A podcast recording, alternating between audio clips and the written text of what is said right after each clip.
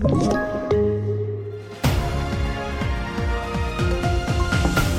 Ökad försurning i sjöar och vattendrag. Australien drar in visum för ovaccinerad tennisstjärna och miljardböter för Google och Facebook. Ja, det är TV4-nyheterna. och vi börjar med att trots minskade utsläpp av luftföroreningar fortsätter problemen med försurnade vattendrag i Sverige.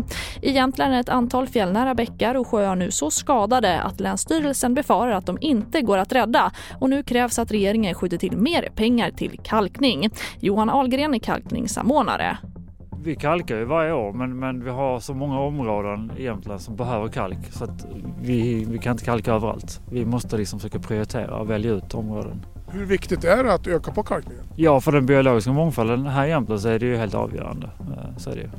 Och han intervjuades av Marcus Noterius. Och världsettan i tennis Novak Djokovic som sitter isolerad på ett hotell i Melbourne i Australien har överklagat myndigheternas beslut att dra in hans visum. Orsaken till beslutet är att Djokovic inte är vaccinerad mot covid-19 och har begärt dispens. Och först på måndag tar domstolen upp överklagan och då avgörs om han kan delta i Australian Open eller inte. Och turneringen den inleds den 17 januari.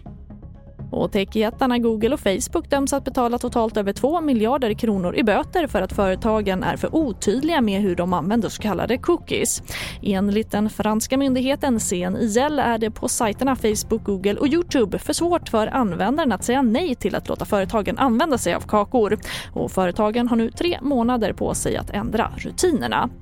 Och det får avsluta den här nyhetssändningen. Fler nyheter det hittar du alltid på vår sajt tv4.se. I studion idag Charlotte Hemgren.